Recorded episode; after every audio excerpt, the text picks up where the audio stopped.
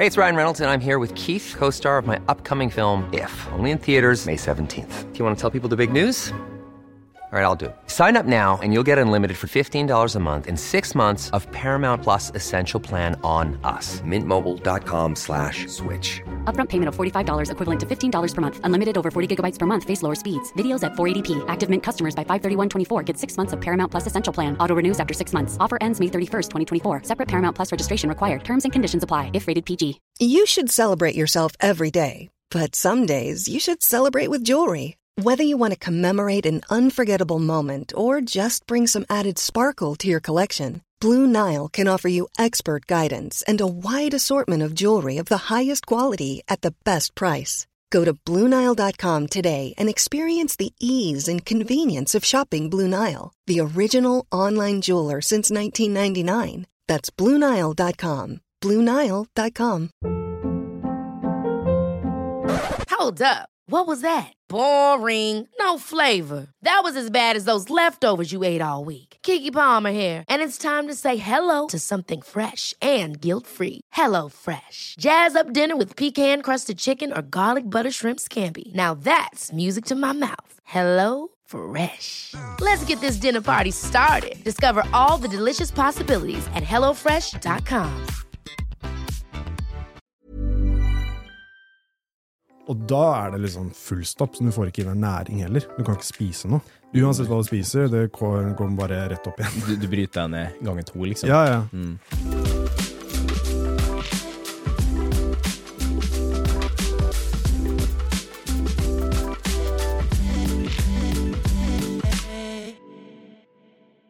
Hei og velkommen til treningsprat. Du hører på meg, Anders Muren. Og du hører på meg, Thomas Brun. Eh, og så Jeg vil jo bare starte med velkommen tilbake fra Paris maraton. Jo, takk. Stemmer det. Og egentlig Lanzarote, men det har vi snakka litt om. Lanzarote har vi snakket litt Eh, om. Men Paris maraton må jo ta en liten prat om her nå. Det kan vi Eh, gjøre. For din gjennomførelse her var jo egentlig mest eh, for gøy. Mest for gøy. Ja, Så det kan, man kan gjøre et maraton på gøy òg, faktisk. Du kan det. Det, man kan Det høres litt rart ut. Jeg, jeg, såpass. det var noen som lo av meg når jeg sa at ja, men dette skal jo være gøy. Det å Ja. trene dette her og løpe maraton, det skal være morsomt. Så Mm. var det en som lo av meg, så han skjønte ikke hva hva i all verden når du snakker om det. er bare smertefullt og vondt. Ja. Men for min del på Paris så var det at det var en vennegjeng av meg som eh, jeg kjenner veldig godt fra da jeg studerte i England, hvor eh, noen av de var ganske gira på å gjøre et halvmaraton eller et maraton på et eller annet tidspunkt. Mm. Så da vi sånn, låste vi oss inn på Paris, og da var vi to stykker som løp nå da. Vi skulle egentlig være fire, men to av dem måtte trekke seg av skader og liksom for lite trent og sånn. Og så endte vi opp med å være to stykker. Og da var det han Chris som jeg løp med, det var hans første maraton. Så jeg var egentlig sånn at eh, Jeg sa til ham på starten vi Glem tid. Glem liksom alt sånn å holde liksom, oss innenfor fire timer eller fullføre noen sånne ting. Vi skal ha det gøy underveis, og så skal vi komme oss i mål. Det er på en måte de to tingene vi skal passe på. Og det var det vi gjorde. Vi bare tok det som en eh, veldig veldig hyggelig lang, lang, lang løpetur. Og vi fikk catcha opp en del òg. Vi pratet underveis, og vi hadde det gøy. Og vi så litt på klokka en gang iblant. Holdt oss mellom seks-syv minutter per kilometer. Rolig tempo. Eh, og så var vi sånn der hver, hver gang vi løp én kilometer, så ga vi hverandre en high five. Jeg filma underveis. Og det var masse stemning underveis. Og liksom, vi hadde jo Um, kjæresten min var der, og flere venner av oss var der, og sånne ting, og de prøvde liksom å møte oss visse steder under etappene. da. Så det var bare kjempegøy, Mm. hele, hele maratonet. På slutten, selvfølgelig for han, så var det veldig smertefullt, men da var jeg der og liksom motiverte han til å holde, holde det gående. da. Mm. Uh, han gjorde et par sånne småfeil, uh, som for eksempel ikke ha med noe, noe salt eller noe sportsdrikke, ingenting. Han liksom levde på vann og, og noen gels, da. Så jeg var sånn, du må ha deg salt, og sånne ting. Så jeg tog, ga han liksom salttabletter og sånn for å komme seg videre, da. Så han krampa opp på et tidspunkt, og vi fullførte på jeg tror det var 4 timer og 45 minutter cirka. Mm.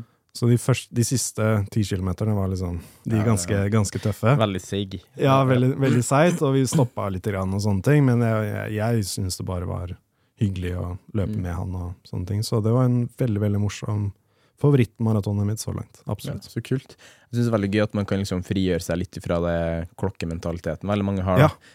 Eh, det er jo Det var så mange seriøse folk der. Sånn her, ja, det, la oss bare ha det gøy med dette her, da. Ja, og jeg syns det det er superbra at folk tar det seriøst òg, og Ja, er sånn supernøye på det. Men så tror jeg òg veldig mange har godt av litt å gjøre litt sånn utføre seg litt på å frigjøre seg litt òg, da. Mm. For vi, i hvert fall vi nordmenn har blitt veldig sånn vi, I hvert fall min erfaring at vi har blitt veldig Vi, vi er veldig opptatt av at det skal gjøres så sykt perfekt. da Ja. ting, ting skal først gjøres. Ja. At man kan, man kan for all del ikke melde seg på et triatlon eller et løp uten at man uh, har forberedt seg 190 mm. og samtidig at folk, terskelen for folk å trekke seg fra det, hvis man ikke er helt helt perfekt form til den dagen kommer, er ganske, terskelen er ganske lav. da Folk mm. trekker seg ganske fort. Mm. Jeg tror nok Norge er en av landene der det er mest folk som melder seg på, men samtidig mest folk som ikke møter opp til slutt. Ja. På grunn av at ja, kanskje man ikke har forberedt seg godt nok, Mm. men samtidig så du har mest trolig kunne vært med og gitt det et forsøk og bare gjort det litt sånn som en artig greie. da Ja. For mest trolig så har det på en måte ikke gjort noe eh, negativ effekt, så du har vært med og bare gjort det for gøy. da Ikke sant. Men jeg syns du hadde en veldig fin sånn eh, Du hadde et fint innlegg på Instagram, der du skrev litt om sånn ting man liksom burde ja, Ting man kan gjøre feil, da, for Mm. eksempel. Um, Ting jeg har gjort feil. Altså. ja, og jeg tenker liksom å ta med seg det, og tenke på det. Ja, det er viktig, liksom, det er viktig å, eh, å trene seg opp og sånn, men samtidig så er det like viktig, tenker jeg, å godta hvis man ikke har fått trent seg opp optimalt, og Mm. godta det, men òg sette ned den standarden man forventer og man leverer, da. Ja. Som for eksempel til deg, nå, du var jo optimalt trent til det løpet, men du valgte jo å gjøre det til en litt sånn sosial, artig greie for deg, Mm. og det syns jeg egentlig er helt supert. Det Ja. er sånn, veldig sånn, jeg, tar av meg hatten for den mentaliteten. Men jeg, jeg syns det er veldig viktig å tenke at det er rom for begge to. da. Mm. Eh, Du, du kan ha den innstillingen når du går inn i løpet. Hvis du skal løpe alene, for eksempel, hvis jeg skulle løpe alene, Mm. så hadde innstillingen vært litt annerledes. Da hadde jeg vært sånn, ok, vet du hva, jeg har ikke løpt et maraton på under fire timer. På Oslo Maraton i fjor så var det fire timer og fem minutter. Det er bare sånn, De fem minuttene skal jeg på en måte ta igjen her, hvis jeg løper alene. Mm. Og da hadde mentaliteten vært annerledes. Ja. Men hvis jeg løper med den andre, bare sånn, vet du hva, vi skal bare ha det gøy, vi skal Mm. nyte dette, vi skal kose oss. Vi skal liksom se på omgivelsene. Du løper i Paris sentrum, ikke sant, uavbrutt. Mm. Du løper liksom forbi Eiffeltårn og, og The Louvre og liksom alle de eh, landemerkene, da. Og vi Mm. bare sånn, ja, dette er veldig stilig, og, og, og tok det sånn. Men så er det også rom for de gangene hvor du er sånn, ok, i dag skal jeg få en ny pers. Det er jeg innstilt på på forhånd. Flytt dere. Jeg skal bare løpe rett frem, ikke sant. Jeg skal Ja. være i mitt modus, da. Ja. Så det er rom for begge to, men å ha eh, for, for meg så var det veldig sånn avslappende å ha den innstillingen at vet, dette skal bare være gøy, da. Mm. Så da tok vi det liksom Ja, eh, vi koste oss Ja. istedenfor, da. Ja, Men det eh, neste maraton, for eksempel, eller neste løp, så er det sånn ok, nå under fire timer. under fire timer. Og så fokusere på det, da. Ja, fint å ha litt variasjon i tankesett sånn da. Jeg syns det er viktig. Jeg har jo den eh, for eksempel opp mot Norseman, så er det sånn Mm. Norseman, så er det tiden er kjempeviktig. For Ja, du må du komme topp 160. Du Hvis du ikke klart gjør det, så, så, så er det veldig dumt. Og- Men det har du vært innstilt på sykt lenge nå, da. Veldig, veldig lenge. Ja. Eh, og så tenker jeg det vi skal snakke om i dag, da, bare for å Som ikke er like artig, det er jo sykdom i forbindelse med trening. Eh, og sykdom i forbindelse med kanskje konkurranse òg. Ja. Eh, sykdom generelt, egentlig, i forhold til i anledning trening, da. Det er jo det vi skal snakke om. Jeg vet om så mange nå som har kanskje gått på en sykdomssmell av en eller annen grunn. Det kan jo være både av treninga, men det kan òg være av bare rett og slett at man er veldig uheldig. Mm. Eh, og jeg vet jo du har jo hatt noen faser der du har vært syk inn imot, Ja, ja. og vært veldig uheldig sånn sett. Sånn ukene før. Hva, vi har jo snakka mye om det i den settinga, i, i coach-kundeforholdet, sånn sett. Ja. Um, hva, var, hva har vært dine tanker når du har vært sånn Du, du har kjent ok, nå er jeg syk. Nå Å, er, det, nå er det noe her som jeg brygger på. Man blir veldig redd. Ja. Man blir det. Uh, I hvert fall, Det skjedde jo både mot Oslo Tri, som var mitt første triatlon. Mm. Da ble jeg sjuk uka før. Uh, og så skjedde det også mot Canada-mann, som var min første fulldistanse-triatlon. Mm. Da ble jeg sjuk sånn tre uker før. Eh, skikkelig, skikkelig sjuk. Og du merker det litt sånn du, du prøver å ignorere det på starten. At du tenker sånn nei, det, dette går over. Og så går det liksom, blir det bare verre og verre. Da. Så merker du, så må du innse på et eller annet tidspunkt bare ok, nå er jeg dårlig. Nå er jeg ikke frisk nok til å trene, nå er jeg ikke frisk nok til å spise, nå er jeg liksom ikke frisk nok til å gjøre noe som helst, bare til å ligge på sofaen. Mm. Og så går dagene eller noe sånn da. Ja. Og det skjedde jo mot Oslo 3. Det var pga. at jeg var på Norseman uka før. Og vi var Mm. på Gaustatoppen i sånn tre timer i full storm. Og da jeg en, fikk jeg en skikkelig skikkelig ille forkjølelse. Mm. Men så vidt jeg har forstått, så er det, også, er det også litt enklere for deg. Hvis du har en veldig høy treningsmengde, Mm. så er det enklere for kroppen å bli litt sjuk også. Immunforsvaret er brutt veldig. Ja. Kroppen har veldig mye eh, aktive stressorer. Da. Ja. Eh, for hver gang du trener, så bryter jo ned kroppen, egentlig. Mm. Og det er jo veldig mange som eh, bare sånn i forbindelse her da, tenker at Det er derfor at det er feil tankegang å tenke at mer, jo mer trening, jo bedre. Mm. For at folk flest er ikke i stand til å tåle den eh, antall timer trening som man kanskje relaterer til at man burde legge ned. Mm. Eh, mange tror at f.eks. til muskelvekst, da, at man trener man styrke sju ganger i uka, gjør det liksom bam, bam, bam, eh, kjører på som forbildene sine, liksom, så blir man sånn. Eh, I hvert fall den yngre garden nå har den mentaliteten. Og det, man merker jo veldig at om man skulle trene sånn som den kroppsbyggeren, f.eks., Ja. eller man skulle trene sånn som den langdistanseløperen, Mm. men faktum er at man er jo ikke i stand til å tåle, kroppen er ikke i stand til å respondere Ja. til den type trening, da. Eh, Og den type mengde, ikke minst. Sånn forhold til din, din del, du, had, du hadde jo veldig mye trening din, når du snakker om. Gustoppen-perioden her nå, Ja. og da var du jo egentlig kanskje på ditt mest sårbare, da, i forhold til at det, det, kanskje, det er ikke så mye som skal til for at begeret renner over, da. Men desto så, når det kommer sånn sykdomsperiode sånn for din del, det første vi gjorde da, var jo bare å ok, nå Kansellere alt. ja, vi, Stoppe alt. vi kutter ut den treninga nå. Ja. Du får heller hente optimalt inn igjen. Overskudd skal være fokus. Ja. Spise godt, sove godt, restituere godt. Du skal, det siste du skal tenke på nå, er at du skal gjøre den løpeøkta på mandag. Du skal Ja, ja, ikke gjøre den. Den. Effekten av den, den har null effekt. Mm. Du bryter ned. Ja. Men det er så mye lettere sagt enn gjort, da. Det merker jeg veldig sjøl på meg sjøl. At i påska så Jeg hadde to dager der jeg lå med uh, bare helt ut av det blå, ble veldig uh, veldig kvalm og veldig uvel. Mm. uvel. Jeg kjente det på kroppen. Liksom. Jeg var veldig sånn Jeg var sykt uvel når jeg våkna opp, selv om jeg hadde sovet liksom lenge. da Og jeg bare ja, tenkte at det her ordna seg med litt frisk luft, men det ordna seg ikke i det hele tatt. Eh, Kansellert eh, Jeg var underveis i to økter før jeg bare Hva farsken skjer med kroppen min? Liksom jeg, det, det har ikke vært sånn før. Eh, jeg oppfatter jo sjøl at jeg hadde jo De signalene var jo der til at eh, vet du hva, her er det noe jeg burde kanskje trappe ned på. Men eh, egoet mitt gikk jo ut og sa jeg skal prøve, i hvert fall. Jeg skal komme meg gjennom. Så gjorde jeg kanskje 50% av første økta. Droppa den, hvila resten av dagen. Så neste dag så hadde jeg egentlig noe seks to kilometer dag. Og da var jeg på første to kilometer daget. Og bare kjente hvor beina mine, uten noe mye treningsbelastning i forkant, var helt pinnestiv. Hele Ja. kroppen var helt, helt totalødelagt. Jeg vet ikke hvorfor. Men det var jo bare jeg som var Rett og slett kroppen var ikke i form, da. Mm. Så jeg, første gang ever, i hvert fall på, den, på intervaller, da, så droppa jeg siste del. Mm. Og sa til meg sjøl at det må bare gjøres nå. Det er så tett opp til Texas at uh, det er ikke verdt det å ta noen kilometer drag til for å bare gjøre det. Og så sitter jeg kanskje med en for verre effekt. da. Så droppa det heller, så hadde jeg jo egentlig en Siden da, det er jo Det begynner å bli en uke siden det nå. Og nå har jeg hatt ei knallgod treningsuke etter jeg droppa den Ja. økta der. da. Og da var jo liksom sykdom som Jeg mest trolig brygga på noe som kunne ha blitt litt større. Men av at jeg var for en gangs skyld litt uh, brukt sunn fornuft, så tror jeg at jeg unngikk at det begeret mitt rente over. fall. Ja. Hadde jeg vært på gudstoppen, hadde jeg blitt syk, da. Tror jeg. tror jeg. Men det, det, det husker jeg det var liksom en ren forkjølelse, og da var det Mm. sånn eh, Da kunne jeg spise godt og ligge på sofaen og ta det med ro, liksom Paracet, C-vitaminer, gjøre alle de standardtingene som gjør når du har en ordentlig forkjølelse. Mm. Og jeg har ikke, Sist gang jeg var sjuk før det, husker jeg ikke engang. Nei. Så det var veldig, veldig veldig sjelden. Så, okay, kanskje det er sånn på tide med en par dager på sofaen, da. Ja.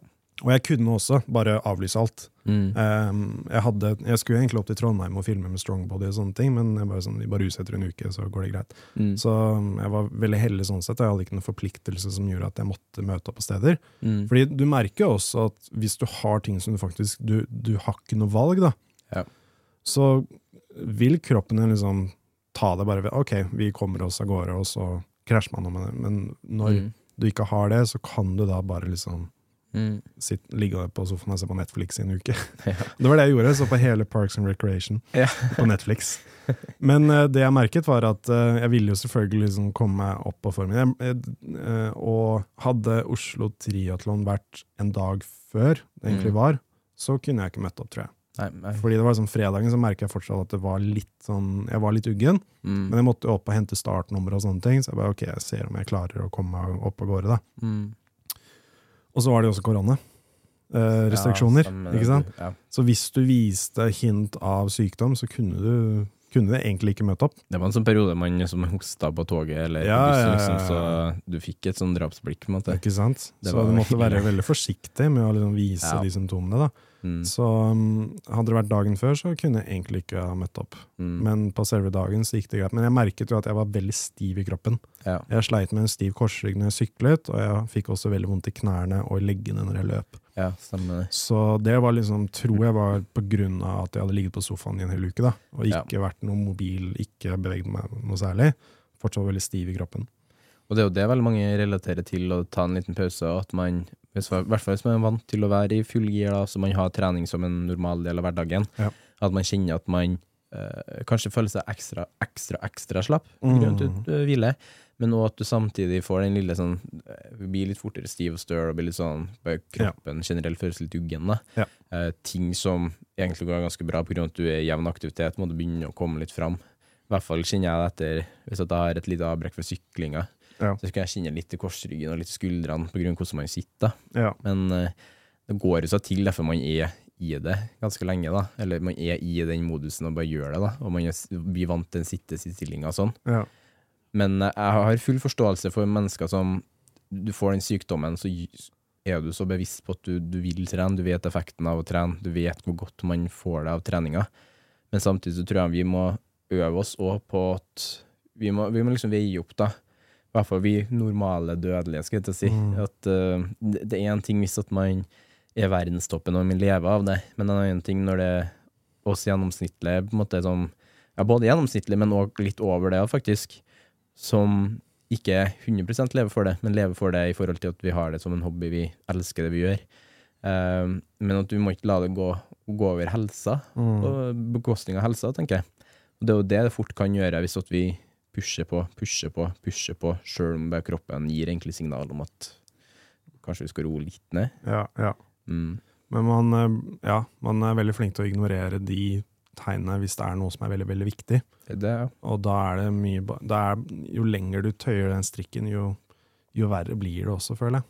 Og jeg, jeg går i meg sjøl sykt ofte, Mm. og tenker men hva er det jeg sier nesten på daglig basis til dem jeg jobber med, når, de syk, når det er sykdom der? Jeg sier jo med en gang vet du hva, trening er det minst viktige nå. Det viktigste nå er at du får den næringa du kan få deg. Du får de timene ekstra i sovemodus eller i senga, i hvilemodus, rett og slett. Eh, At du får restituert da, ordentlig. For det er der du kommer til å hente igjen overskuddet, ikke fra den treningsøkta som bryter deg litt mer ned. Absolutt. Og selv om den treningsøkta, man sier kanskje at det gjør godt for hodet, ja, det er en ting, men resten av kroppen kanskje ikke har så godt av det. Og da ender du kanskje opp med å være borte fra trening i en lengre periode, som i hvert fall gjør vondt i hodet, da, at man blir litt sånn nedbrutt av det sånn sett. da. Og så er det viktig å trappe opp sakte også. Ikke bare liksom ok, nå føler jeg meg frisk Ja. i dag, bare start der hvor du slutta. Ja. Du må liksom la kroppen din adaptere seg igjen. da. Så se for deg så bort fra trening i to uker, eksempel, at Mm. man, eh, det, det var en såpass stor sykdomsbyrde, da. Og, man kan, og har man en plan, liksom, så ikke begynn på den, den økta du planlegger at du skulle ha begynt med om to uker. Ja. Trapp kanskje litt ned. Og i sånne faser er jo gull å ha en coach, da, for eksempel, til Absolutt. å ha en dialog med. På grunn av at man blir veldig blind på seg sjøl og sin egen kapasitet i sånne eh, perioder. Eh, veldig mange som begynner med trening etter en lengre periode, eh, relaterer til hvordan man var når man var i toppform, Mm. og tenker man fortsatt kan levere der. Men veldig mange vil jo må ta en trapptrinn ned for å ta en trapptrinn opp til nivået igjen. da. Eh, I hvert fall relativt etter sykdom, bare tilpasse at kroppen er brutt. eller så kan du Hvis du går ned, går du opp på nivået der igjen, så blir du fort ned igjen da, hvis at du ikke er helt fullt utlada til å kjøre på igjen. da.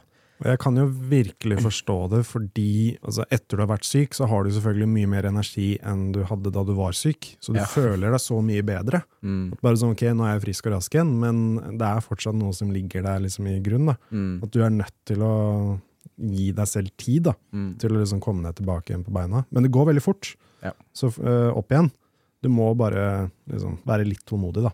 Ja, og på lang sikt så sitter man igjen med mye større gevinst da, av nettopp det du sier der. Mm. Å sitte igjen med en større gevinst over tid på det, tenker jeg man vil ha mye mer glede og nytte av. Ikke at man får den lille aha-oppfølelsen på én økt, da, så neste igjen. og så bare, Nei. Ja, ja. For da blir det veldig sånn Det blir så sykt rykk og napp til slutt, da. Ja. Så tenker jeg, hvis man først har det signalet til at her er det noe som skjer, overdriv hvile.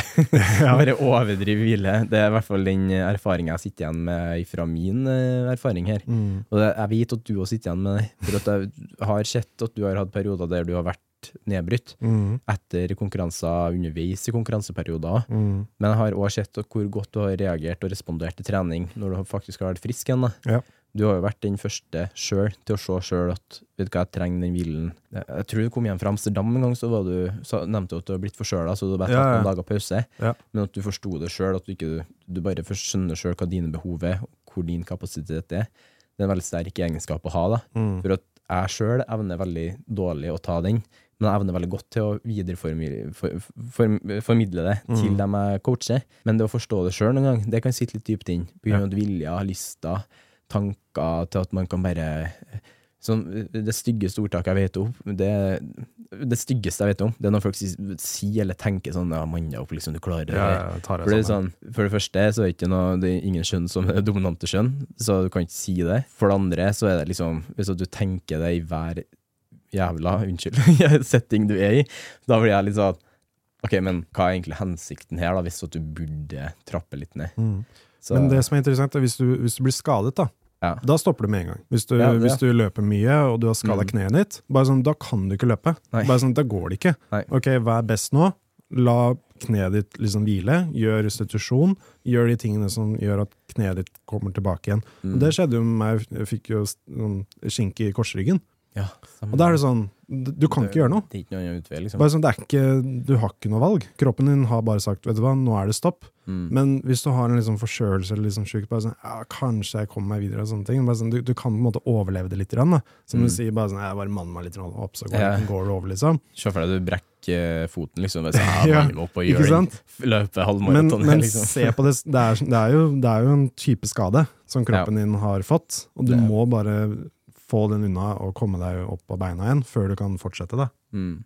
Men det er sånn, eh, forkjølelse er én ting. Jeg merker sånn, Det er to forskjellige sykdommer da, som man kan få. Den ene kan du på en måte overleve litt, så litt vondt i hodet, litt i nesa og sånne ting. Mm. Hvis du bare er litt i nesa, så er det sånn, ok, Ja. det går for så vidt greit. Uh, hvis du svømmer, for eksempel, da får, du liksom, da får du rensa systemet litt. Men hvis du ikke har vondt i hodet, føler deg ikke noe feber, ingenting, Mm. det er sånn, den på en måte lar jeg gå, den er grei. Men hvis det er ehm, Hvis resten av kroppen din uh, er brutt ned, Mm. da er det ikke noe du kan gjøre. Og det skjedde med meg før jeg skulle opp til Canada. Ja. Sånn tre uker før Canada så fikk jeg enten omgangssjuke eller ble matforgifta. Det er en av de to tingene. Uh, og jeg vet uh, hvor det var. Det var på et event som jeg filmet. Og de hadde noe sånn raw food, vegansk wraps eller noe sånne ting.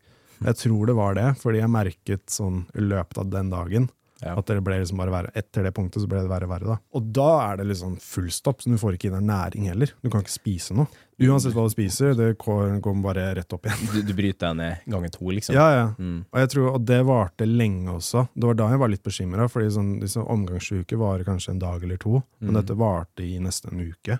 Ja. Og jeg hadde, det var tre uker før Canada-start. Mm. Og jeg skulle fly til Canada uka før, og sånne ting, så det var, sånn, det var mye som jeg måtte tenke på. Jeg gikk glipp av veldig mange eh, sånn nøkkeløkter, da, Ja. som vi kalte det. Hvor liksom lange, seige roløktene. Jeg gikk glipp av en hel uke med det. Ja. Og det, det merket jeg hadde en påvirkning på tiden min, da, i, Mm. når jeg gjorde, dro til Canada og gjorde det. Men det er sånn, den var veldig veldig tøff å innrømme også. Ja. At bare sånn, det, det gikk ikke over. Ja. Altså, hver gang jeg prøvde, jeg prøvde så hver morgen å liksom spise det jeg kunne, Mm. men det er sånn, det holdt seg ikke nede. da. Det bare sånn kom rett opp igjen. og det er sånn, Jeg gikk ned tror jeg, sånn tre-fire kilo på en uke og sånne ting. Jeg så noen, jeg så noen materialer fra meg som jeg hadde filmet rett etterpå, her om dagen. Bare sånn, Du ser sånn skinnbein Ja. alt, jeg, sånn- det var, jeg var så mager, da. Ja. Sånn, jeg klarte ikke å holde i næringen i det hele tatt. Sånn, jeg tenker jo liksom når du, når du fuelet ditt, egentlig Når Ja. det er liksom bare ikke-eksisterende, og forsvinner, da er det sånn Ja, no go. Og forbindelse liksom med når man mister næring, da. Vi har snakka om det her i, dere, eh, i en episode, bare ernæring før konkurranse og trening, eller i forbindelse med trening generelt òg, da. Eh, og så snakka vi om det, den formtopping-episoden òg, Ja. i høst i fjor. Både hvor viktig de tingene, to tingene der er, men når det brytes ned av sykdom, så er de to tingene der veldig uviktige igjen. Da, på grunn av Mm. Da handler det bare om å komme seg tilbake. Og det skjer jo via riktig næring, på en måte. Og liksom Ja. riktig hvile, rik, riktige prioriteringer. Eh, Så håper jeg jo at folk som blir brutt ned av sykdom, som kan stå, en, eh, stå ansvarlig for å kanskje få fri fra jobben, for å fri fra daglig stress og sånn, og kunne senke litt det, det totale stressmomentet i løpet av hverdagen, for Ja. å bli litt fortere frisk, da. For vet jo sjøl hvor belastende det kan være å være ute av, eh, ut av sine rutiner i en uke eller to. I hvert fall hvis man har et mål litt foran der som man gjerne ville fått til best mulig, da. Mm. Men det, det viktigste er din egen helse. Det er, sånn, Ja. det, er det. Og, og igjen så var jeg veldig sånn takknemlig da, for at jeg kunne egentlig bare avlyse alt og ligge på sofaen i en hel uke. Det var jo på et punkt hvor jeg vurderte å avlyse, men jeg hadde booka flybilletter, jeg hadde booka sted å bo. Jeg, du måtte ha et support-team. Ja. Så det var to venner av meg som bodde på andre siden av Canada. Jeg bodde, bodde, booka flybilletter til dem også. Så alt var på en måte liksom tilrettelagt og lagt opp til at jeg skulle dra dit og gjøre det. Men så følte jeg at jeg var ikke godt forberedt i det hele tatt pga. den sykdommen, og pga. at det var mye jobb på forhånd. og sånne ting. Mm. Så jeg begynte jo å komme med unnskyldninger til hvorfor det kunne vært en god idé å droppe det. Mm. Hvis det hadde skjedd uka før, og mens jeg var i Canada, eksempel, at bare sånn, ok, nå har jeg kommet til Canada, og så ble jeg sjuk, og så om seks dager så skal du gjøre et fullt, eh, full Ironman-distanse. Da hadde jeg vært veldig, veldig, veldig bekymret. Da Da hadde jeg funnet på noe annet, tror jeg. Men det var på en måte det lille tidsrommet hvor jeg kunne trene litt grann etterpå også. Mm. Uh, og så fort jeg fikk i meg liksom klarte å holde mat nede, så gikk energien veldig fort opp igjen. Ja. Det gjorde den jo. Men da måtte jeg spise mye. Som sagt, jeg gikk ned ganske mye kilo og sånn. Ja, det merker da, man. Ja, det merker du veldig fort da. Men det, det er det å ikke ha den energien i kroppen, det unner ingen. Det er, Mm. noe, det er den verste sykdommen jeg har gått gjennom, tror jeg, faktisk. Akkurat den omgangsuken der. Jeg vet jo om eh, eh, Veldig heldig å få coache veldig, mm, veldig variabelt av mennesker. da. Jeg blir kjent med veldig mye ulike typer mennesker.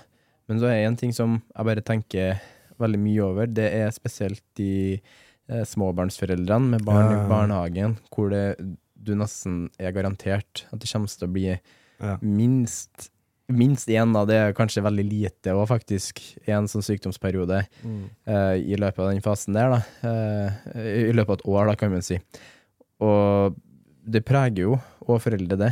Man blir jo mest trolig smitta av det òg. Mm. Jeg tror de fleste har coacher som har eh, små barn i barnehage, f.eks., i hvert fall etter covid, har vært veldig prega av sykdom, av veldig mye av og på. da. Mm. Eh, og så er jo på en måte, Det er ikke alle som er i en sånn livssituasjon der man kan tilrettelegge 100 til å hente seg inn optimalt igjen. da. Så man går kanskje rundt og er litt halvsyk hele tida, Mm. eh, og bare tenker å gjøre det beste ut av det. Så synes det er en fin tanke, det òg, men hvis at man ser en mulighet til å Ok, kanskje jeg skal være heller i hvert fall prøve å se mulighetene til å bli optimalt frisk, Mm. eller legge fra seg den sykdommen, så er jo det det mest optimale. Men jeg, har full forståelse for at ikke alle som kan tilrettelegge for det, da, at det er helt umulig. da. Mm. For fakta er at vi lever jo helt vilt forskjellige hverdager, og vi har timer i forhold til timer i hverdagen til å gjøre ting og sånn, og prioritere. da. Tenk Hvis at man kan prioritere egen helse i forhold til det, så burde man liksom legge alt unna, spesielt trening. da. Trening burde være det siste, liksom. Det Ja. Du, siste du stresser deg til å gjøre, da. Mm. Og heller prioritere bare OK, bli frisk.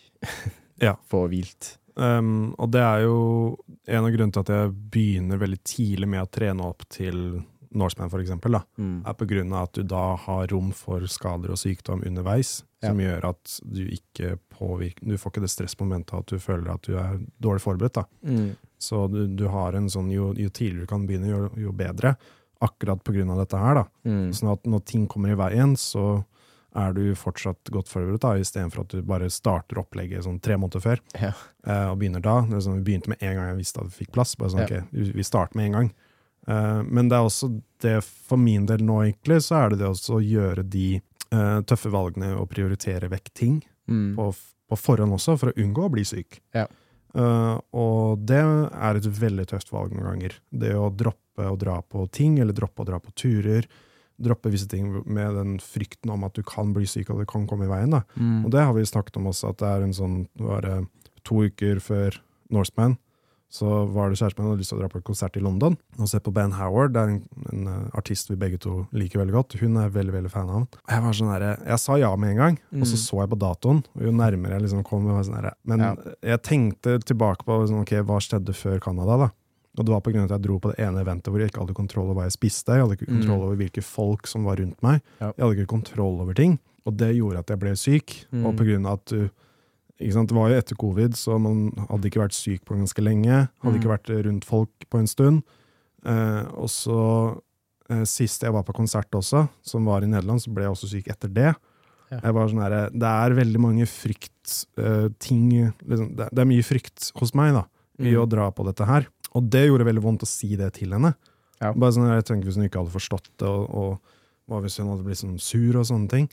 Eh, heldigvis så skjønte hun det veldig godt, og så sa jeg sånn Jeg kan være en backup hvis du ikke får med noen andre, da. Mm. Og hun fikk med seg en veldig god venninne av henne, så det ordna seg på en måte. Mm. Det blir jo hyggelig på den måten, men for meg så var det veldig sånn.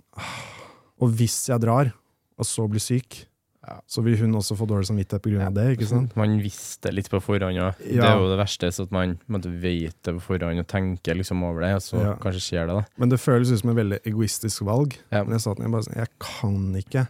Mm. Eh, Det er, sånn, det er en frykten, det worst case scenario-frykten i, i, i hodet mitt, da, Mm. som sier til meg bare sånn her, noe ille kan skje. Mest sannsynlig så går det fint. Mm. Ja, mest sannsynlig så gjør Men det det, men det er lille, da. Og jeg, men jeg skjønner godt det. Jeg husker jo for uh, Ironman uh, CSKM3 i Mallorca i fjor, første vi skulle gjøre da, sammen. Da var det litt sånn en periode der så unngikk jeg bevisst å uh, Jeg var, var med familie og sånn, men det var liksom sånn uh, Jeg sjøl tør ikke å si det, men det var andre rundt som var bare sånn påpekte at uh, hvis onkelbarnet var litt småsykt, da, Mm. så det er sånn Å nei, ikke, ikke, ikke klem, ikke, ikke derfor at han, han, han er litt syk, liksom. Og det husker jeg stakk litt i magen, for det er bare sånn Åh, det er jo et uskyldig barn, liksom. Jeg digger jo, digger jo gutten. Og det er litt sånn Satt litt, litt inn da, og jeg kjente litt på det i år, og nå når det nærmer seg Texas, da, at uh, jeg har tenkt jeg har, Det ligger i mura i bakhodet, bare sånn Jeg håper ikke at han har med seg noe fra barnehagen, eller at det er noe der, da. Men, eh, men jeg har gitt klem, og hilsa og holdt og leka for dem.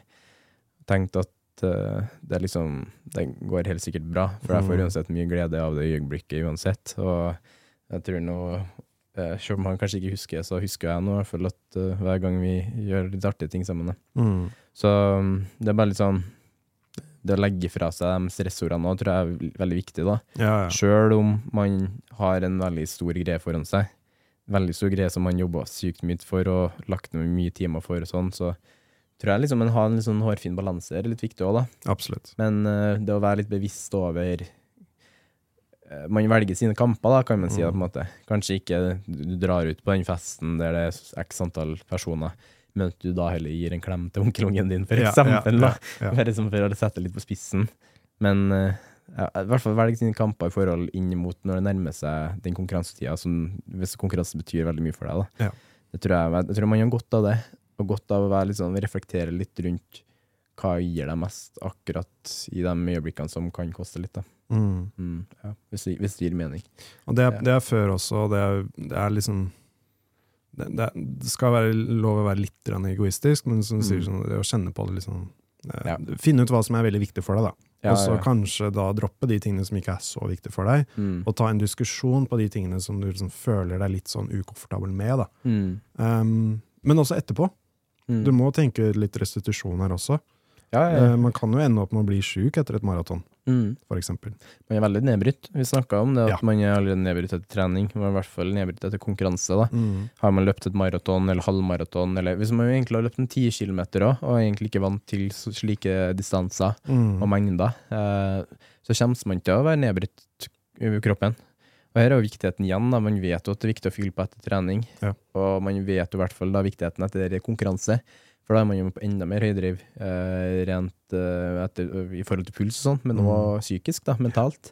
Man er høydriv mentalt, derfor man er jo påskrudd. Å være påskrudd koster ganske mye. Mm. For meg koster det sykt mye i sosiale settinger å være påskrudd. Mm. Og det kjenner man i hvert fall da, når man er påskrudd og fokusert under et løp. Da, Eh, da kjenner man jo at den mentale påkostninga der, sammen med den fysiske påkostninga, krever veldig mye, da. Og hvis man da uh, I hvert fall jeg opplever etter Ironman-konkurranser at jeg ikke er så, så utrolig sulten, Mm. på grunn av at man har litt mye tanker i sjakk og litt kvalm og litt Ja, sånn. ja. Ja. Men jeg prøver alltid å tvinge meg sjøl, bare Ja. til å spise noe. Ja. Bare få i meg noe. Ja. Få i meg vann, i hvert fall. Få i meg drikke. Få i meg Jeg har aldri i verden Jeg, jeg kan ikke huske på sist gang jeg drikker en uh, cola, sukkercola, men tar meg det alltid etter ja, veldig harde treningsøkter. Eller etter veldig eller en sånn konkurranse, da. Mm. Tar jeg meg alltid cola. Eller bare noen sånne sukkerolje som inneholder kalorier, som gir kroppen litt energi. For det, det Sjøl om jeg, jeg er en tilhenger av kalorifri drikke, da, sånn Pepsi Max og sånn, Sol Super og alt, det er liksom sånn min go to hver dag. Men etter konkurranser og sånn, så gir jeg helt blaffen i det. og drikker sukkerolje sånn. drikke sukkerdrikke egentlig hele konkurransen. Ja, ja, ja. egentlig så litt sånn Det er litt sånn eh, Hva heter det? Sånn, eh, det, det er litt sånn rart, egentlig. Det blir sånn miks at jeg liksom sier jeg drikker ikke sukker, eh, sukkerbrus. Jeg drikker flere hundre karbohydrater i løpet av en treningsøkt, liksom, i form av pulverdrikk, da, energidrikk. da. Du husker meg også, etter, etter Oslo Maraton, da fikk jeg jo krampe under, under maratonet. Ja. Og da eh, kom det en fyr bort til meg når jeg var ferdig. Mm. En sånn eh, fra, fra Røde Kors, jeg husker ikke, en, en av de assistentene som ser på folk Ja, ja, sånn, eh, etter, etter du har løpt ferdig. da. Og da måtte jeg bare liksom kollapse ved gjerdet der fordi jeg hadde så vondt i beina. ja. Og han sa til meg bare sånn Nå må du opp og bevege deg, Mm. og så må du få i deg Red Bull. ja. Så på vei ut så må du ta så mye Red Bull du, får plass i hendene dine, i Mm. posen din, og så drikk, drikk to-tre stykker. Mm. Og jeg drikker jo aldri Red Bull. Jeg syns Mm. det ikke smaker noe godt, det er altfor søtt, og jeg liker det ikke. Men jeg var sånn OK, sjef, jeg gjør det du sier jeg skal gjøre, så da drakk jeg to Red Bull etter, etter det, da. Og så etter eh, Paris Maraton så gikk vi tilbake til leiligheten vi, vi hadde leid, og så dro de andre inn på um, Det var så rart, man har liksom forskjellige cravinger. Det vi Mm. hadde, det vi hadde craving på, var druer. Vi bare sånn, hadde skikkelig lyst på druer. Druer, sjokolade, og Ja. så kjøpte vi også Coca-Cola med sukker. da. Ja. Og det er som du sier, vanligvis uh, hos oss så er det enten sukkerfri, Mm. eller den koffeinfrie også, Mm. som, som funker veldig bra på kvelden. Mm. Men akkurat der så sa jeg sånn, nei, nå må vi ha med sukker. Ja. Eh, Men det er viktig faktisk å Ja. bare være litt sånn bevisst over å få i seg lette kalorier. Da. Få i seg noe Ja. som er veldig lett tilgjengelig, hvis man har lite, lite sultfølelse, eller Ja. ikke frister med noe, men få i seg det som er lettest mulig å fordøye og få ned, gjerne i form av drikke. Da. Det er i Mm. hvert fall min erfaring at det hjelper meg veldig mye på den tida etter et løp, da, å bare komme seg litt tilbake til hektene, få tilbake litt den at man kan gå litt med brystkassa opp igjen Ja. og ha litt den holdningen man normalt sett har, da. Men også samtidig i forhold til at man Veldig mange tenker jo hva er neste? Ja. Jeg vet, i hvert fall etter Ironman Lanzarote, første jeg tenkte på når jeg kom i mål, var sånn ok, nå er Texas om eh, Mm. drøye en måned, liksom. Nå må jeg jo fokusere. Og jeg hadde jo knallgode treningsøkter dagen etter Mm. eh, Ironman Lanzarote. Og det var på grunn av at vi var så gode på næringa underveis under løpet, men òg etter løpet. da. Sånn, Fuel of Norway-taktikken vår der var jo helt perfekt, liksom. Mm. Så. Og så ja, dagen før og dagen Vi spiste godt. Ja, vi der var, var veldig gode på næring. Ja, men vi planla jo turen rundt det også, at vi skulle bo i et hus eller en leilighet som hadde kjøkken, Mm. sånn at vi ikke var avhengig av eh, ekstern å dra på restauranter og sånne ting for å få i oss mat. Mm. Sånn, vi visste nøyaktig hva vi spiste, og vi spiste veldig enkle oppskrifter. Mm. Det var ikke masse forskjellige greier. Vi spiste jo egentlig mye av det samme Ja, hele tida. Mye pasta. Ja, mye pasta. Vi etterlot en pastapakke til og med. Ja, stemmer det. Men det var mye pasta og bra. Men Men, bare- men jeg vet ikke med deg, når du liksom etter etterløp og sånne ting, og du merker også på det mentale, mm, at du blir veldig sånn utmattet mentalt. Når adrenalinet har, har um, forsvunnet, Ja. og du har rukket å hvilt litt, grann, og kommet deg litt, så er du fortsatt sliten i hodet. Jeg snakka faktisk med noen dager etter Ironman Lanzarote, med, etter vi kom hjem fra Lanzarote, med hudlegen min. Hun er vanvittig god langdistanseløper. eh, på grensa Hun er vel egentlig ultraløper på høyt nivå. Eh, kjempedyktig dame på mange måter. Og eh, hun spurte meg bare liksom sånn Hun kunne jo bli litt sånn sint etter, ja. etter konkurranse og sånn. Ikke at det var noe galt, men bare litt sånn du, liksom, Ting bare prosesserer litt, da. Men når jeg reflekterer litt tilbake, så jeg blir ikke, jeg blir ikke sint eller noe sånn stille, eller noe sånt, men jeg, jeg blir litt mer sånn eh, Jeg blir litt mer følsom, på en Mm. måte. Jeg blir litt mer sånn eh, Jeg blir kanskje litt stille, og blir litt sånn tenker Blir litt sånn undrende. Tank, sånn, blir nesten en sånn filosof, da. Anders Totoles, som jeg bruker å si. Men, men det er på grunn av at eh, jeg bare har brukt så mye tanker og krefter på det løpet, og inn mot det løpet. Det er liksom, jeg, jeg lever jo for det i treningsøkta mine, og i enhver økt jeg har med meg, tenker jeg hvis ikke jeg klarer det, klarer jeg faen ikke det løpet. Det, liksom. Og da alt jeg gjør av trening, er jo retta mot det, og har en tanke inn mot det. Og så plutselig er det ferdig. Og da er det neste økt. Da må jeg tenke ja, men hvis ikke jeg klarer det her nå, klarer jeg i hvert fall ikke Ironman Texas. Ja. liksom. Men du må ha den neste. Ja, og Mm. etter Ironman Texas så skal jeg jo til Det er jo fem-seks uker til NM i Arendal. Mm. Da skal jeg ta norgesmesterskapstittel igjen. Det er målet mitt, da. Da er Ja. det gullmedaljen. For nå har jeg min første NM-medalje, gull fra sprinten. Nå er det olympisk, da. Mm. Så det er liksom, den driver meg veldig Den NM NM-dagen der i Arendal, den driver meg veldig med nå, da. Ja. Men så har jeg jo fortsatt Texas først, jeg må bruke opp til å drive meg veldig imot det. Ikke sant? Så Men det er viktig å ha Ja. noe liggende fremover også, og ikke bare slutte helt. ja, og derfor er det er jo det som er drømmen nå når jeg drar til Texas, da. Da er jo drømmen så klart at det blir en VM-kvalifiseringsspot, men jeg er òg helt åpen for at det, det er egentlig veldig urealistisk at det skjer med tanke på at det er min første langdistanse. Jeg vet jo ikke helt den pacinga mi og hvordan jeg responderer til det. Um, det er jo helt nytt. Mm. Men jeg driver meg fortsatt av tanken at jeg, jeg, jeg nå, sjøl om jeg vet at det er, det er veldig liten sjanse for at det kommer til å skje, at det er en VM-kvalifisering. Sånn, det er veldig liten sjanse på grunn av hvor nytt det er, og på grunn av stort det er, og på grunn av hvor mye konkurranse det er. Men jeg har i tanken min nå at jeg kvalifiserte VM i 2023, liksom, selv om målet egentlig er i 2024. Men bare for å ha en litt sånn pådriver til mot høsten òg, da. Jeg må jo mest trolig etter Texas finne meg noe til høsten å drive meg mot, da, hvis jeg ikke kvalifiserer, kvalifiserer meg, som er mest trolig det jeg kommer til å ende opp med. Så da må jeg finne noe annet. Ja. Men jeg lever fortsatt i tanken om at det kan gå, at det Ja. kan være. Det kan være det til høsten. Så det er bare liksom Det er, det er noe fjernt med, men allerede nå liksom er jeg mentalt mentalt i gang på en Ja. tanke som kanskje ikke engang ikke eksisterer, liksom. Men jeg tror det er veldig viktig å ha, i hvert fall etter et sånn type løp, Mm. å ha noe mentalt å se frem til og liksom bygge seg opp igjen til etter du er ferdig. Hvis Ja. ikke så på en måte kan man falle i en sånn limbo. Jeg, jeg har hørt om folk som har gjort det også, og det skjedde jo litt med meg også etter at jeg var ferdig i Canada. Ja. Bare sånn ren utmattelse. Mm. Og så hadde jeg liksom Jeg hadde Oslo Maraton liksom to måneder. Jeg hadde jo også hadde Arctic. Triple. Å, tror, ja. Ja, så jeg hadde liksom et par ting liggende fremover. Og jeg Mm. ville liksom komme meg opp, men jeg måtte også innse at restitusjonen ville ta lengre tid enn jeg hadde regnet med. Ja. Og det var en veldig sånn, igjen en litt sånn irriterende moment å bare akseptere. Mm. At jeg ville, jeg ville starte treningen ganske fort, men du måtte bare liksom Vet du hva, du er nødt til å ta det med ro. Og jeg sov mye. Det er, men jeg syns det er litt artig at du sier det her nå, da. I forhold til at man øh, kanskje litt sånn Det er litt sånn uforutsigbart hvor lang tid man trenger å hente seg Ja, hjem på. jeg aner Jeg har allerede planlagt hva jeg skal gjøre to uker etter jeg kommer hjem fra Texas, liksom. Det er bare sånn øh, hus, uh, husoppgaver. som Ja, ja. Gjøre liksom, ok, skal få ferdig gangen, Ja. skal legge treningsmatta på treningsrommet, skal gjøre kontoret 100 Mhm. ferdig, og liksom sånne ting. da, For jeg vet at jeg kommer til å være liksom, man kommer til å være nedbrutt, du kommer ikke til å ha en samme lik, lik treningsperiode rett etter det. Så da blir det sånn, jeg gleder meg også litt til å bare møtekomme eh, an, andre hverdagslige oppgaver, Ja. som sånn, eh, ting som er litt sånn uferdig hjem til oss fortsatt. da. Ja, også som ikke, som ikke krever så mye mentalt fra deg heller. Ja, det er liksom så- bare en sånn der, man, blir- man blir liksom tåkete. Ja, ja. Så det er fint å gjøre liksom visse sånne, sånne litt sånn eh, hjernedøde oppgaver også, da. Ja. Som bare sånn, ok, nå skal Skru bare... på Ikea-seng. ja, ja, bare følge instruksjonsboka, trenger ikke å tenke så mye og sånne ting, da. Ja. Så nei, jeg syns det er viktig også å planlegge litt etterpå. Ja. Jeg kommer til å gjøre det med, med Norseman også. Mm. Liksom, de to ukene etter Norseman, da ikke, ikke planlegge Jeg skal ikke planlegge noe som helst da. Ta deg ferie. Skal jeg ta meg ferie? Og Ja. da sa jeg sånn til kjæresten min, så hun også forberedt på det, så sa jeg sånn herre Kommer helt an på hvordan jeg føler meg, men hvis jeg føler meg ok, jeg vil bare liksom gjøre ingenting, skal vi Mm. dra på sånn sånn chartertur eller noe sånne ting. Sånn sånn hoppe på-tur.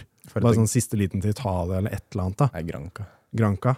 Bare sånn bo på en av de store resortene, Ja. hvor ting blir bare gitt til deg. Ja. Så jeg vil bare, bare ligge ved, strands, øh, ved stranda Mm. i en uke og gjøre ingenting. Det høres egentlig veldig bra ut. Ja, men du må, du må liksom være forberedt på at du, du kan ikke gjøre noe stort noe etter et sånn type um, Men- greie. Eh, Mandagen etter Norseman så jeg har jeg satt opp i rulleøkt på deg. Du skal få rulla i tre Ja. timer. Bare for å få det ut av Bare for å få det ut. Nei, vi er ikke helt der, da. Vi Nei. har jo ikke Vi har blitt enige nå. Vi kan jo avslutte egentlig episoden med å snakke litt om det. da Mm, sånn, Det mm. blir jo en litt sånn løsere eh, episode, men en veldig sånn fin episode, egentlig. Eh, Det er jo litt sånn eh, Nå er treninga di fram mot Norsemen. Det blir jo satt opp litt sånn i to ukers intervall nå. Ja. Hvor, vi, hvor jeg i hvert fall følger med litt live på deg på Training Peaks og bare ser den um, progresjonen din der. Ser hva du responderer fra, så tar vi jo bare I hvert fall jeg syns det er artig å være veldig på programmet ditt, veldig sånn, sånn kortere faser, da. Mm. For jeg tror, tror nå når vi begynner å bevege oss mot at du både skal sykle mye ute, og du skal begynne å svømme ute, og etter hvert faktisk at vi da kommer til å se veldig spennende ting med treninga di. Absolutt. For det har vært veldig mye mølle, det har vært mye rulle, det har vært Mm. mye litt sånn, uh, litt sånn men mental draining eh. Ja. Men det var òg veldig karakterbyggende økter, da. Så jeg tror du tar med deg veldig mye nytte av nå når du skal ut. Og du sparer litt krefter når du sykler nedover, du bruker Mm. litt krefter når du sykler oppover, og du når du skal ut og svømme, så kjennes det det, liksom at det er litt befriende å faktisk komme seg ut og svømme, selv om det er kaldt, selv om du møter på brennmaneter. øh, Men sånne ting liksom man setter litt mer pris på det, i hvert fall i en startfase, begrunnet til å savne en periode. Så da tror jeg du tar med det karakterbyggende til deg, at man kan liksom like seg veldig med treningsøktene dine, Mm. og etablere et treningsoppsett i en toukersperiode som vi ser klart at du utvikler deg veldig på. da. Og det er òg veldig lenge siden vi har kjørt noen konkrete tester på det. Mm. Sjøl om du hadde jo egentlig en veldig god test i Lanzarote, kan man jo si. Ja, ja. Men det å kjøre litt sånn eh, en svømmetester, en sykkeltester, en, eh, en løpetester, bare mm. se kapasiteten din er. Jeg har, eh, jeg har tre veldig gode planer til deg der, hvor vi skal både se svømminga di eh, ut, bare hvor, hvor den har tatt seg opp, sammenligne det litt med hvordan eh, hvordan energi du bruker på 2000 meter, f.eks. Eh, med på syklinga, hvordan du produserer watt i motbakke i litt lengre perioder. Mm. Eh, samtidig med løpinga, for den, den er jo veldig avhengig av å gjøre mest mulig Norseman-spesifikk i Mm. forhold til den svarte trøya. ja. Så det er å bare se akkurat hva du produserer av energi, hva det koster, hva du trenger av påfyll for å kunne etablere og holde eh, farta som du skal holde for å få den svarte trøya di. Det som er veldig gøy også nå, det så vi var jo, tok jo, fikk til og med to sykkelturer ute i påsken, Mm. som var helt fantastiske, det var kjempenydelig. Um, men det var den ene dagen hvor det var litt overskya, hadde det regna litt, så det var mye kaldere enn dagen Ja. før. Det som jeg tenkte, var bare sånn her, ok, kanskje jeg skal gå på mølla, Mm. eller så bare sånn her, hvis jeg går ut nå, så er det bra Norseman-trening, tenker Ja, jeg. ja, bra. For å liksom trene seg opp til å sykle når det er kaldt, da. Ja. Og kjenne på hvordan kroppen reagerer på det. Og Mm. så svømme når det er litt kaldt. Så fort Oslofjorden blir sånn 12-13-14 grader, Mm. så er det liksom trening på det også. da, Kjenne på hvordan det er. Ja. Fordi det er litt annerledes. Mm. Du må også vite hvordan det er. Eh, Så jeg tenker alltid når det er liksom dårlig vær nå, så er det sånn ok, men hvis jeg går ut nå, så er det eh, forberede seg, da. Mm. Og da er motivasjonen for å komme seg ut når det er dårlig vær, enda høyere.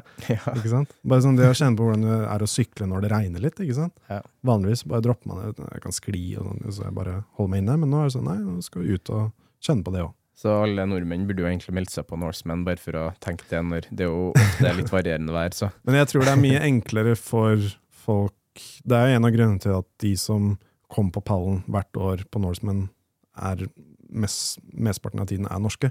Ja. På grunn av at vi er jo vant til disse forholdene. Og folk som kommer fra utlandet, de, for dem så er det litt mer et sjokk, da. Veldig godt poeng. Altså, I hvert fall i forhold til eh, i hvert fall i forhold til motbakker og sånn, på sykling og løping. I hvert fall på syklinga, kan man si, på så lange distanser. I mange plasser i Europa og i landene så kan man få veldig relativt flate etapper Mm. på lang, lengre distanser, men her i, her i, i Oslo, i Trondheim, i Bergen og alle områdene her, du er garantert så med en gang du sykler over i hvert fall hvis du sykler over 100 km, da. Det, det, Mm. du kommer til å sykle over 100 km på langt over 1000, med 1000 høydemeter, liksom. Ja. Så, sånn er det bare, på grunn av hvor mye, på hvor mye variasjon det er. Da, da har vi fått snakka litt om eh, trening og sykdom. eh, Litt våre erfaringer med det. Litt hva jeg i mitt coachingperspektiv sier. Mm. Hva Thomas i sitt perspektiv sier. Det skjer med alle. Det skjer med alle. Det gjør det. Det, det er ikke noe sånn Skjer med oss òg. Ja, det skjer med alle. Det, Mm. det gjør det. Til og med Jakob Ingebrigtsen har vært syk før et stevne og Ja. fortsatt levert uh, gull. Så Eh, og det er mange tilfeller her på at sykdom trenger ikke å være make or break, men lytter man til det på en ordentlig måte, så er det med å lage i hvert fall en bedre situasjon ut av det. da. Absolutt. Så jeg håper alle har uh, fått en liten sånn uh, oppkvikker her. Hvis du er, er du syk nå, hvil litt til. Eh, hvis du ikke er syk, utnytt det. Eh, Ja. Blir du syk, hvil. Det er på en måte oppsummeringa. Det, det er kanskje veldig enkle ord. Veldig sånn, Du har hørt det før, 100% sikkert. Men når du hører igjen, og jo mer du hører, jo mer kanskje etablerer du en tankesettet sjøl. Mm. Det er jo det som er målet her. Etablere et godt forhold til trening. Etablere et godt forhold til eh, trening og velvære, ikke minst. Og del våre historier som mest trolig, eller mest forhåpentligvis, kan være med å bistå til positiv treningsglede. Yes. Takk for å lytte til Treningsprat. Vi snakkes igjen neste uke, vi. Ha det bra.